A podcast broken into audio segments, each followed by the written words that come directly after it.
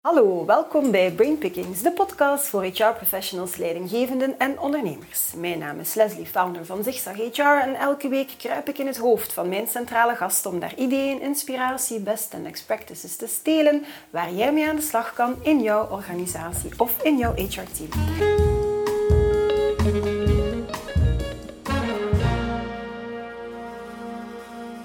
Sommige mensen zijn zo boeiend dat één keer in hun hoofd kruipen gewoonweg niet volstaat, zoals professor Elke van Hoof. Klinisch psycholoog, gespecialiseerd in trauma, stress en burn-out. Ze doseert ook aan de VUB, schreef eerste hulp bij stress en burn-out, chief happiness officer, weer aan de slag en burn-out in de zorg. Ze is een veelgevraagd expert in de media en bezieler van het Huis voor Veerkracht, het expertisecentrum voor stress, burn-out, bore-out en veerkracht. En vooral Elke, she walks the talk, want als de meeste van ons zich nog eens omdraaien in bed s morgens, is zij al haar dagelijks toertje aan het lopen. Ondertussen heb ik al drie keer uh, in haar hoofd gekropen en vandaag is dat dus een vierde keer dat ik in haar hoofd ga kruipen. En in al deze verschillende podcasts dan vertaal ik eigenlijk samen met professor Van Hoofd de wetenschap naar de werkvloer en naar de samenleving. In deze reeks van vier podcasts hebben we al ingezoomd op het belang van een geïntegreerd welzijnsbeleid en de belangrijkste hefbomen daarvan. We hebben al in kaart gebracht hoe we anders kunnen leren kijken naar stress en hoe organisaties zich daarop kunnen organiseren. We hebben het gehad over stresscrafting, over insourcing en vandaag gaan we het hebben over het activatiequotient. Als jij dus verantwoordelijk bent voor het welzijnsbeleid in jouw organisatie of als jij je daar verder wil in verdiepen, als je op zoek bent naar inzichten en gevalideerde werkinstrumenten, wel, dan kan ik deze reeks van vier podcasts met professor Elke van Hoof heel erg warm aanbevelen. Want, zegt Elke, welzijn is geen luxe product en is alles behalve soft, want je kan met cijfers net meer menselijkheid afdwingen. Ik neem jullie in deze vierde en laatste aflevering dus mee in het hoofd van professor Elke van Hoof en we gaan het hebben over het activatiequotient. Een van de grootste uitdagingen waar organisaties voor staan die inzetten op een strategisch welzijnsbeleid is om ervoor te zorgen dat het juiste aanbod bij de juiste medewerker geraakt op het moment dat die medewerker dat dan ook nodig heeft. En het moet dan in dat opzicht bijzonder frustrerend zijn als je een schitterend menu hebt waar echter niemand gebruik van maakt. En daarvoor biedt het activatiequotient de oplossing. Dag Elke. Hallo. Klopt dat wat ik verteld heb? Absoluut, helemaal. Gelukkig. helemaal. Gelukkig. Nu, ehm, er zijn steeds meer organisaties en die uh, het licht hebben gezien en die heel bewust inzetten op strategisch welzijn. Uh, maar toch hoor je nog vaak ja, mensen in organisaties uh, van, van die bedrijven waar dat dus echt zoveel op ingezet wordt, hoor je die zeggen van ja, bij mij doen ze toch niet zoveel. Ja, waar knelt dat schoentje dan?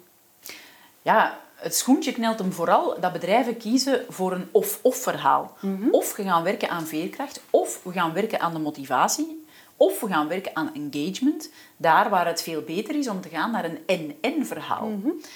Bovendien is er ook te weinig aandacht voor al die aspecten die ons in beweging brengen, die ons activeren, letterlijk. Mm -hmm. Zoals, heb jij voldoende energie om te doen wat goed is voor u? Mm -hmm. Maar ook, hè, wilde jij dan ook doen voor het bedrijf waarbij dat je nu werkt? Wat we noemen in het vakjargon een psychologisch contract. Er zijn best wel wat mensen uh, die dat ik al begeleid heb, die zeggen van ja, ik heb jaren in dat bedrijf geïnvesteerd, mm -hmm. nu gaat het slecht met mij, nu verwacht ik dat het bedrijf in mij gaat investeren. Mm -hmm. Ja, daarvoor zijn bedrijven natuurlijk niet opgericht. Hè. Mm -hmm. Maar toch, hè, dat gaat over psychologisch contract. Het signaal wat die mensen geven is, voor dit bedrijf ben ik niet meer degene die het gaat doen. En dat is toch wel een zeer kassant signaal. En dan het laatste is, zijn mensen zich bewust dat ze iets aan hun welzijn kunnen, moeten, willen doen. He, dus die, zeg maar drie van die aspecten hebben wij wel verwerkt in het activatiequotient, waardoor wij niet alleen kijken naar veerkracht of hefbomen op de werkvloer. He. Wat maakt dat een, een, een werkcontext soms faciliterend, inspirerend kan zijn, maar soms ook belemmerend, he, zelfs een barrière voor werk, werkplezier. Daar hebben we eigenlijk een complexer dynamisch model van gemaakt. Waarom hebben we dat gedaan? Omdat we uit onderzoek, weer, hè, je weet dat Huis voor Veerkracht, LI Institute, hè, teert op data. Mm -hmm. Uit al dat onderzoek komt ook dat slechts vier van de tien Belgische werknemers, en ondertussen is dat in andere landen ook bevestigd, zelf actief wilt investeren om zijn eigen welzijn te verbeteren. Hmm. Dat wil dus zeggen, Zes van de tien wil dat niet. Om welke reden dan ook, dat maakt eigenlijk al niet uit. Maar ze doen het niet. En dan zit je daar als bedrijf met een waanzinnig menu. want. Dat vraagt toch wel een investering. Hè? Jan, Piet en Paul komen webinars doen of keynotes geven. Dan heb je een beetje workshops. En dan heb je uw fruitmanden. Daar gaat het natuurlijk niet ver mee komen. Maar bon, overal staan de banaan. Inderdaad. Dat vraagt toch allemaal wel wat investering. En dus als dat dan niet gebruikt wordt, is dat een reden voor hoger management om te zeggen, ja, maar ja, jij zit hier altijd maar te vertellen op onze vergadering, het is nodig, het is nodig, het is nodig. Nu hebben we dat voorzien, maar niemand gebruikt het. En bovendien, als het dan gebruikt wordt, zijn het niet de mensen waarvan we weten dat ze het nodig hebben. Ook dat is een stelling, een uitspraak die ik in heel wat bedrijven hoor. Van ja, wij hebben wel een hele menu, maar we krijgen het niet bij de mensen die het nodig hebben. En dus, dat is te wijten aan een mismatch tussen ja, die menu en de behoeften van die persoon.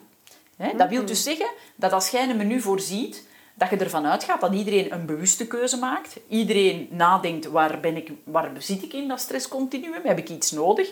En dan voldoende energie heeft om in de menu te gaan zoeken, wat wil ik dan eigenlijk? Ja. Maar dat is niet zo. We moeten de gebruiker het zo gemakkelijk mogelijk maken. We mogen er niet van uitgaan dat wij duurzame keuzes maken en dat wij altijd bewust en grondig reflecteren, want dat kunnen we maar 5% van onze niet-slaaptijd. Ja. Ja. En dus die mismatch, die komt er eigenlijk uit. Hè. Je hebt wel een menu, maar eigenlijk 6 op de 10 wil geen gebruik maken van een menu. Die wil bij wijze van spreken de oplossing als een paplepel, hè, zoals het Ja. vliegtuigje, mondje open, Ja. zoer, binnengereden krijgen. En daarvoor hebben wij dan inderdaad die activatiequotient uitgedacht. Oké.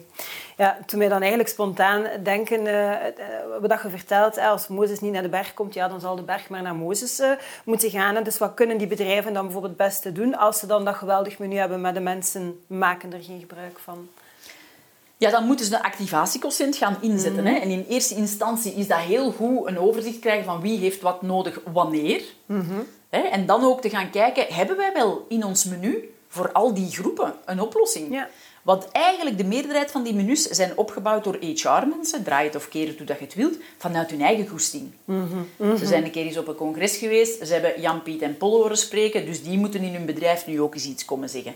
Ze hebben dan ergens anders een app uitgetest, ze vonden dat geweldig, dus nu moet iedereen die een app ook uittesten. Ik zet Ja. het wat karikaturaal neer Ja. natuurlijk, maar in de meerderheid van de bedrijven is het zo gegroeid.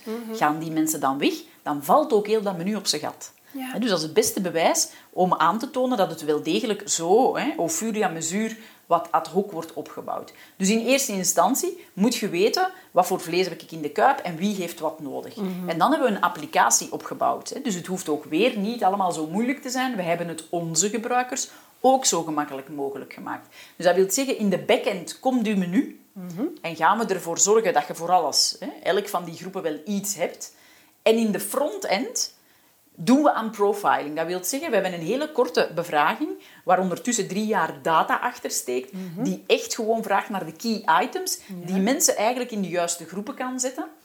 En op basis van die profiling krijg jij de drie beste oplossingen voor u op dit moment om het één stap beter te maken. Ja. Dus jij hoeft eigenlijk alleen maar te doen wat er eh, daaruit komt gerold. Nu, dat klinkt gemakkelijk, hè? maar dat is het eigenlijk niet. Want wat is het addertje onder het gras? Dat is dat heel veel bedrijven denken dat ze veel tools hebben. Maar eigenlijk is dat niet zo. Ze hebben veel beleid, ze hebben veel richtlijnen. Hè? Richtlijnen om om te gaan met pesten. Ja. Maar daar staat dan nergens niet in hoe dat je dat moet doen als je aan je bureau zit. Dus heel veel van het materiaal dat er binnen bedrijven is, gaat over waarom moet je dat doen, wat moet je dan doen, maar legt nooit uit hoe. En dus in die activatiequotient, de applicatie daarvan, zitten vooral de hoe Ja. doe je dat dan. En hoe doe je dat op je bureau? En hoe doe je dat als je aan de band staat? En hoe doe je dat als jij hè, een vertegenwoordiger bent en je zit eigenlijk continu in een auto? Dus dat zit daarachter. En dus eh, zodanig dat ze op automatische piloot eigenlijk gewoon maar gaan doen wat ze krijgen aangeboden.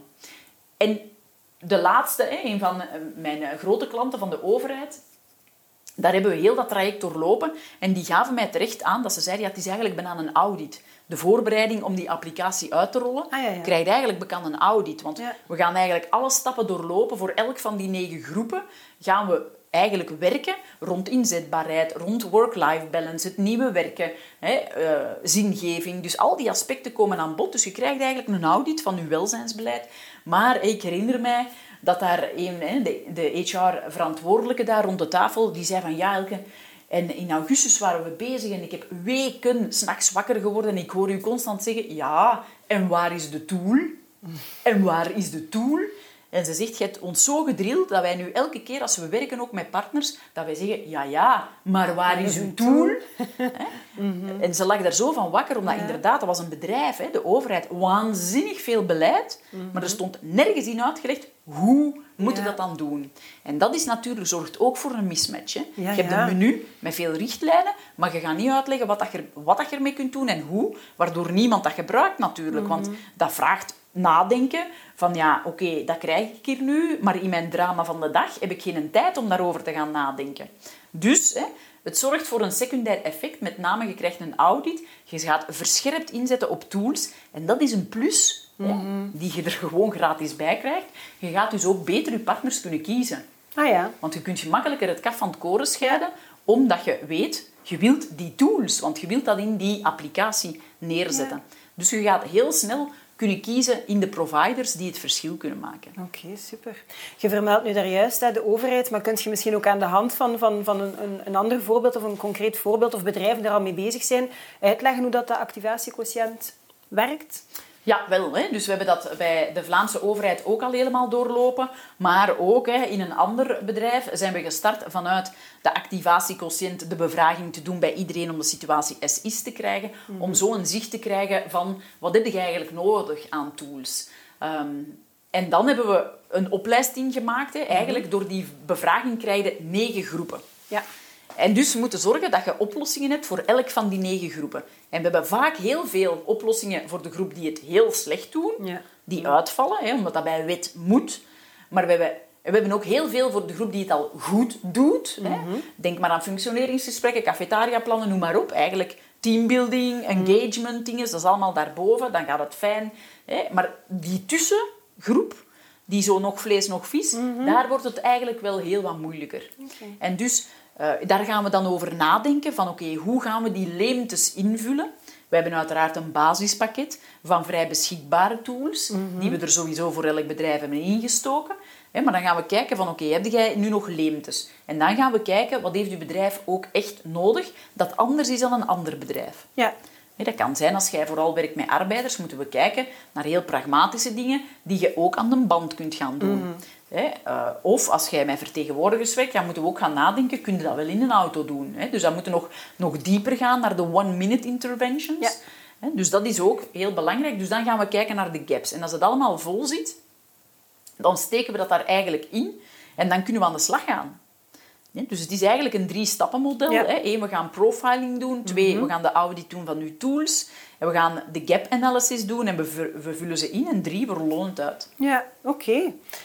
Je schreef ook elke, um, ja, de Chief Happiness Officer. Ik denk dat ik het in de inleiding ook al, uh, al aangegeven heb. En dat is eigenlijk een stappenplan voor een strategisch welzijnbeleid op het werk. En je geeft ook opleidingen aan HR-professionals rond dit thema. Nu, een geïntegreerd welzijnsbeleid, we hebben het al een paar keer gezegd, is een must. Hè, sowieso medewerkers gemotiveerd, mentaal fit te houden. En daarin speelt het HR-team, en dus ook de Chief Happiness Officer, dan een, een sleutelrol in. Nu, daar hebt jij dan een community hè, rond, rond uitgebouwd, Ocho. En het doel is die professionals met elkaar verbinden om op die manier welzijn op het werk nog breder uit te dragen. Ik wil daar toch precies wel graag nog even met jou over hebben, over, over die community. En waarom heel concreet en, en wie maken daar dan zo, zo deel van uit? Wat bieden jullie aan? Hoe kunnen mensen zich aansluiten? Ja, we zijn een heel aantal jaren al bezig in co-creatie met bedrijven. En dat maakt dat ik met sommige Chief Happiness Officers, hè, dedicated personen die met welzijn bezig ben, al een aantal jaren aan het samenwerken ben. Mhm. Niet noodzakelijk altijd heel nauw, hè, maar je komt elkaar toch terug tegen. En ik hoorde elke keer opnieuw van, oh, Elke, het is toch wel een eenzame job. Mhm. En oh, Elke, het is toch wel ondankbaar. Hè, want het is precies drie stappen vooruit, twee achteruit. Mhm. Hè. En, en ook het feit dat mensen tegen mij zeiden van ja, eigenlijk zijn we wel zo goed bezig. Omdat ze zo gefocust zitten op een vierkante centimeter, waardoor je eigenlijk die, die kleine stapjes vooruit niet meer ziet. En dus daarom hebben we eigenlijk de community opgebouwd op vraag van eigenlijk mijn partners. Die zeiden van, ja, Elke, kun jij nu eens niet iets bouwen waar dat we kunnen opladen, maar ook waar dat we inspiratie kunnen krijgen van elkaar Ja. en uw data kunnen Ja. horen. Elke keer die data krijgen, hè, ik kreeg altijd maar te horen, elke keer als jij dat presenteert, denken wij, ah ja, dat is waar. Waardoor ze ook ideeën krijgen om met hun eigen data aan de slag te gaan. En zeiden ze van, ja, ik wil ook wel wat reflecties eh, om mijzelf altijd te kunnen heruitvinden. En dus eh, zijn we daarmee gestart en hebben we dat zo gebouwd dat er voldoende psychologische veiligheid is. Hè? Ja. Dus het is een discreet netwerk. Het is, ik loop daar ook niet met de koop. Hè? Eh, het is eigenlijk een beetje achter de schermen, zodanig dat daar de Chief Happiness Officers eigenlijk elkaar in alle veiligheid kunnen Ja. ontmoeten en hun een keer goed kunnen laten gaan Ja. over hun eigen omgeving daar en geïnspireerd terug buiten komen. Het is het eerste Ocho-netwerk dat er zo bestaat. En dus, ja, wordt gretig. Hè. We hebben nu al meer dan 700 bedrijven die daar eh, lid van ma- uitmaken. En er zijn eigenlijk drie lidmaatschappen. Hè. Mhm. Voor CEO's, HRBP's, HR-directors, Chief Happiness Officers. Eigenlijk maakt niet uit. Het spreekt eigenlijk die vier groepen wel aan. En je hebt drie mogelijkheden om met ons daarin samen te werken. Dat is ofwel lid zijn van de Ocho Community. Mhm. Dat zijn de gratis. Dan krijg je eigenlijk al onze nieuwsbrieven, al de data, de whitepapers, alles ter beschikking. Ofwel worden lid van de Academy. Mhm. Dan heb je ook nog toegang tot een library. En in die library eh, zit ook de uitnodiging voor de coffee corners. Dat wil zeggen, elke eerste, ehm, elke, sorry, nu, hè, elke laatste vrijdag van de maand komen wij tijdens de lunch samen om een keer eens te ventileren, een keer te praten. Ik ben dan het klankbord. Ik haal er dan uit wat, wat we daarmee kunnen doen, waardoor iedereen weer energized start. En we hebben dat inderdaad op een vrijdag gezet, zodanig dat de mensen energized starten Ja. aan hun weekend. Ja. En dan helemaal floreren op maandag. Hè. Dus dat is, ook daar hebben we over nagedacht. En dan hebben we de exclusive members. Dat zijn er toch ook wel een heel aantal. En daarvoor zien we ontbijtsessies voor. Ja. En dat zijn echt brainstorms. Hè. Ja, Dus ja. daar- ze gaan zelf werken. Ik, ik, ik ben niet altijd aan het werk. Hè. Mhm. Hier werken de bedrijven. Er komt een thema. Hoe moet ik omgaan met de vakbond? Hè. Want dat is niet overal een, een Nee. plezier. Ehm, en dan, dan komt er een bedrijf met een thema en zij leggen dat thema uit. En dan gaan we met de andere bedrijven aan de slag om een oplossing voor die uitdaging eh, te zoeken. S'morgens, hè, vaak van 7 tot 9. Ja. Is heel vroeg, maar is heel leuk. Hè. Iedereen heeft daar voor zijn eigen bedrijf weer nieuwe manieren om met de dingen om te gaan. En al dit alles steken we in de library, zodanig dat ze er altijd kunnen naar terugkomen. Want niet iedereen heeft natuurlijk altijd eh, hetzelfde probleem op hetzelfde moment. Mhm. En dan hebben we de webinars, waarbij dat we echt data, dat wij ook op zoek gaan naar inspirators, maar altijd data-driven. Ja. Dat is de, de rode draad, is dat we vanuit de data, vanuit de wetenschap praten. Mhm. Data-driven, maar het moet in een bureau bruikbaar zijn. Ja. Dus niet zomaar wetenschap voor de wetenschap, daar ben ik echt niet in geïnteresseerd. Ik ben meer in het translationele, dat wil Ja. zeggen, het zijn alleen maar sprekers die vanuit die data inzichten kunnen brengen aan uw bureau. En dan het laatste eh, element voor de exclusies is dat we twee keer per jaar een netwerkevent organiseren, waarbij er werkelijk bedrijven hun eigen welzijnsbeleid komen voorstellen, de Ja. ins en outs. Dus niet het schone plaatje langs buiten, maar de drivers erachter. Ja. Waarom heb je gekozen voor A en niet voor B? Wat waren facilitatoren? Wat zijn barrières? Zodanig dat je eigenlijk ook leert van elkaar en hoort dat iedereen toch wel een beetje tegen dezelfde dingen Ja, ja. aanloopt. Voel je ook niet zo alleen. En dan kun je zelf als Chief Happiness Officer ook sterker in je kracht eh, blijven staan. En dan hebben ze die library waar wij alles in centraliseren en onze exclusives mogen met al dat materiaal vrij aan de slag in hun bedrijf. En dat vinden ze ook een waanzinnige meerwaarde, omdat die data daarin zit. Ze kunnen return on investments berekenen. Ehm, dus vandaar, ja, dat is extreem populair. Ik vind Ja. dat zelf ook heel tof om te doen. Ehm, en het is ook heel toegankelijk. Hè. Het is gewoon de website ochocommunity.com. Je klikt aan, ik wil lid worden, hup, en je bent vertrokken. Ja, en dan kun je inderdaad gradueel opbouwen en zien van naar, naar welk soort membership wil ik, Ja. wil ik dan eh, evolueren. Of, eh, Ja, er zijn er redelijk wat hè, die in de light community, eh, de community komen, maar die eigenlijk vrij snel doorschuiven naar de exclusive. Ja. Omdat wij eigenlijk, we maken het ons gebruikers zo makkelijk, mogelijk. Ja, wij het hebben ook, al die kennis rond welzijn voorgekoud, Ja. hè, voorverteerd, waardoor je enkel je mond nog moet open doen en je kunt er direct mee aan de slag. En dat is natuurlijk ook een enorme meerwaarde. Absoluut, ja, schitterend. En ook, ik onthoud vooral ook elke dat je zegt, uh, want dat is dus ja, een community, de Otje community. Veel organisaties zeggen, wij hebben een community. Een echte community die ontstaat. En ik hoor dat ook, en dat, je hoort mensen en die hebben zelf vragen. En het is daardoor eigenlijk dat, wat jullie nu opgebouwd hebben, dat dat eigenlijk opgestart is. En de community ontstaat, bouw je niet, die ontstaat. Ja, die een mooi voorbeeld daarvan is, is dat de pandemie. Hè. Wij hadden die community eigenlijk, want die community hebben we maar gelanceerd eind 2019. Dus die was er nog niet zo heel lang als de, en de coronapandemie. Ja. En het eerste wat er gebeurde, is dat ik telefoontjes kreeg van al mijn Ocho-members. Elke, wat, wat moeten we nu doen? En dat vond Ah, ik eigenlijk een van de mooie complimenten. Dat ze zeiden, ja, we zitten met een probleem, wie gaan we bellen? We bellen Elke van Hoof. En dus dan ben ik daar gestart met elke week een webinar te organiseren op dinsdagmorgen. Hè, vroeg, Ja, ja. eh, een uur tijd om hun te leren van oké, hoe gaan we hier door die pandemie? De lockdown, wat betekent dat? Wat moeten we doen in uw bedrijf? Hoe houden engagement? Dus wij hebben eigenlijk elke week op dinsdagochtend hebben wij een webinar gegeven tot aan de zomer, tot aan Ja. de exit-strategie. En dan nadien zijn we overgeschakeld op whitepapers, omdat de rust wat was weergekeerd en dat we wat meer konden proactief en wat meer konden voorbereiden. Ehm, maar hè, dat was zo populair dat ze ons zelfs hebben gevraagd voor in die Ocho-community klankbordsessies te organiseren. Dus wij hebben daar voor onze exclusives eigenlijk ehm, ervoor gezorgd dat ze drie klankbordsessies hadden met ons.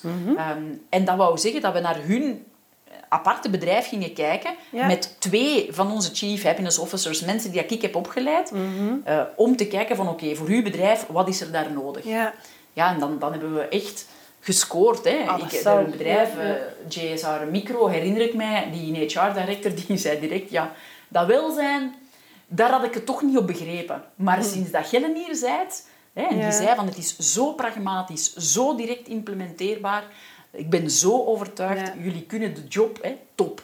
En dan, ja, dat is natuurlijk wel tof. hè, Ah, maar ik kan niet ontkennen ja. daar el- elke dinsdagmorgen, s morgens vroeg te staan, zelf ook te zoeken. Hè, want Ja, die pandemie tuurlijk, heeft iedereen ja. verrast. Dus dat, ik was een hele week bezig om te kijken, oké, wat kunnen we doen, wat kunnen we niet doen, hoe zit dat dan met die maatregelen? En dus ja, dan zo'n feedback terugkrijgen, dat was echt super, super tof. Dus dat is echt een, een bewijs dat dat een community Ja, is. Hè. ja, Ze absoluut. bellen ons en dat leeft. En, en vanuit hun eigen noden passen wij ons aan. En zo hebben we dat echt opgebouwd. Eigenlijk een organisme past zich dat inderdaad en aan de wijze Ja. en de behoeften van de mensen die daar lid van zijn. Mooi, mooi, echt waar. Ehm, het is bijna jammer, maar dit is eigenlijk de laatste aflevering van, van, eh, van onze podcast special eigenlijk. Hè, Rethink Stress, Reshape eh, Society. Als we nu terugblikken elke op, op eh, de, de vier ondertussen met deze erbij podcast. ehm, wat zijn nu zo voor u? Want je hebt al een aantal fantastische kerngedachten eigenlijk in elke podcast meegegeven. Als we erop terugblikken, wat zijn de drie of vijf hè, ultieme learnings dat je zegt van kijk, voilà, hier, hier, dat is de kern. En dat zouden mensen moeten triggeren van ik moet al die andere podcasts ook wel een keer gaan bekijken. Ja, voor mij is dat, je kunt sterk worden met stress. Ja. Dankzij stress. Ja. En dan, tweede, werk vanuit wat er al is. Mhm. Van wat al goed loopt. En start daarmee. En de derde, belangrijk, ik heb het een aantal keer uitgehaald, aangehaald, is eh, psychologische veiligheid. Mhm. Zorg voor een sense of belonging. Zorg ervoor dat er een thuisgevoel is, want anders gaat het er nooit toe komen dat je stress vroegtijdig kunt detecteren. Dus Mhm. pak dat aan als er geen psychologische veiligheid is. Hè. Dat is dat gevoel van, er leeft iets, ik kan er mijn vinger niet op plakken, maar Mhm. ik ben er toch niet 100% van overtuigd. Als je dat gevoel hebt, dan heb je een issue met je psychologische Ja. veiligheid. Welke reden dan ook. Pak dat dan aan. En dan ten vierde, activeer mensen. Zorg ervoor, niet alleen dat je aanreikt waarom ze iets moeten doen, wat ze moeten doen, maar ook hoe ze dat moeten doen. En zorg ervoor dat je het aanpast aan wat zij op dat moment nodig hebben. Dus activeer zoveel mogelijk. En dan tot slot, en ik kan dat niet genoeg herhalen, bouw een geïntegreerd welzijnsbeleid. Ja. Helemaal geënt op uw strategische keuze. En doe dat aan datacaptatie. Ja. Want ongetwijfeld, als je dat doet, zoals dat ik dat hier in die vier podcasts heb uitgelegd, dan genereer jij je eigen inzichten en worden misschien nog beter dan dat ik ben als het gaat over welzijnsbeleid. Mooi. Ik wil afsluiten met een, de ultieme vraag, Elke. Wat, wat is, wat is, welke plannen heb je nog de komende jaren? Of wat is nog uw grote ambitie, uw grote, grote droom? Ja, mijn ambitie dat ik heb, is eigenlijk iedereen te verleiden om gewoon de beste versie van zichzelf te worden. En niet te vechten tegen zichzelf. Of Ja. vechten tegen hè, windmolens. Gewoon is goed genoeg. En ik, een van de mooiste complimenten dat ik in mijn leven al heb gehad, is inderdaad iemand die spontaan tegen mij zei van Elke, het is zo zalig om bij u te zijn, want voor u is het perfect om gewoon uzelf te zijn. Ja. En eigenlijk is dat mijn ambitie. Om de wereld een plek te maken waar het perfect is om gewoon uzelf te zijn. En dat is dus ook met uw goede kanten, maar dus ook met uw minder goede Ja. kanten. Hè? The good, the bad en the de ugly. ugly. Dat vind ik heel belangrijk. En dus mijn ambitie om dat neer te zetten in de wereld op zo'n manier dat dat eigenlijk self-sustaining is.